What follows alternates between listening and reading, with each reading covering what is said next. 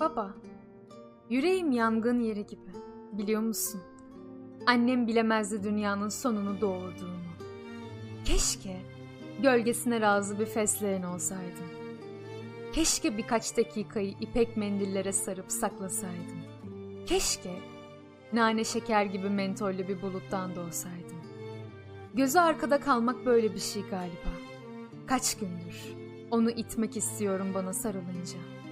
Beni sevmesin diye kaç gündür uğraşıyorum ama yapamıyorum. Onun hayatında yutkunamadığı bir yumru olacağım için de kendimden nefret ediyorum. Kalbim anlatılmaktan usanmış. Benim içimde neler olduğunu kimse öğrenmedi. Acılarımın beni nasıl yiyip bitirdiğini. Kimse beni kurtarmadı ya da savunmadı. Sevgili anneciğim, dünya artık bir daha hiç, bir daha hiç okul çıkışı gibi kokmayacak mı? Binlerce kez açıldım, binlerce kez kapandım yokluğuna. Gittim, çocuk oldum bir daha, ağladım.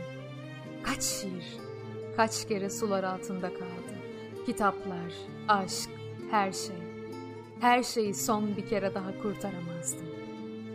Öykü böyle başlasın işte. Söylüyorum. Önce yeryüzünde yoktunuz. Bir kadın ki ana rahminde boğmadı sizi. Nasıl ki doğdunuz ve buldunuz. Annenizdir.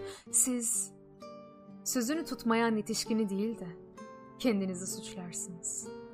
Çünkü küçük bir çocuk için anne babası hatalardan arıdır. Ona bir oda ver baba. Bir evi olsun. Ama zaman zaman da çıkıp gidebileceği bir ev. Ona söylemek istediğim o kadar çok şey var ki. Sen söyle ona baba. Gül tutan bir adam aradım yıllarca. Rakamlar büyür, şehirler küçülürdü. Vazgeçtim sonra. Beni anneme götürsün bindiğim bütün taksiler. Söyle onlara baba. Özledim onu. O da gelsin. Saçlarıma dokunsun. Söyle ona. Yağmur yetmezdi kimseye. Başka tılsımlarla ısınırdı herkes. Hikayeme bir hayat daha yazmak istiyorum. Pek de inandırıcı olmayan. Ihlamur göndermek istiyorum ruhuma. Yün eldivenler. Geçmişim, romantik radyo dinleyen o eski arkadaşım. İnanın, kendimin yokluğunda çok kitap okudum. Aslında hiç istemiyorum ama ne yapsam rutubetim sözlere bulaşıyor. Kalbimi de büyüttüm sonunda. Şimdi mucizevi bir yerdeyim. Zaman bir salyangozun vücudunda yaşıyor burada. Ve çok ağır ilerliyor. İsyan eden biri yok hayatımda. Yüzümdeki çillerden başka. İnsan içinde çevrilen bir çıkrığın sesini unutur mu? Ne tuhaf acıyla hiç konuşamamak. Delirdiğim altyazı. Şimdi bütün aynalar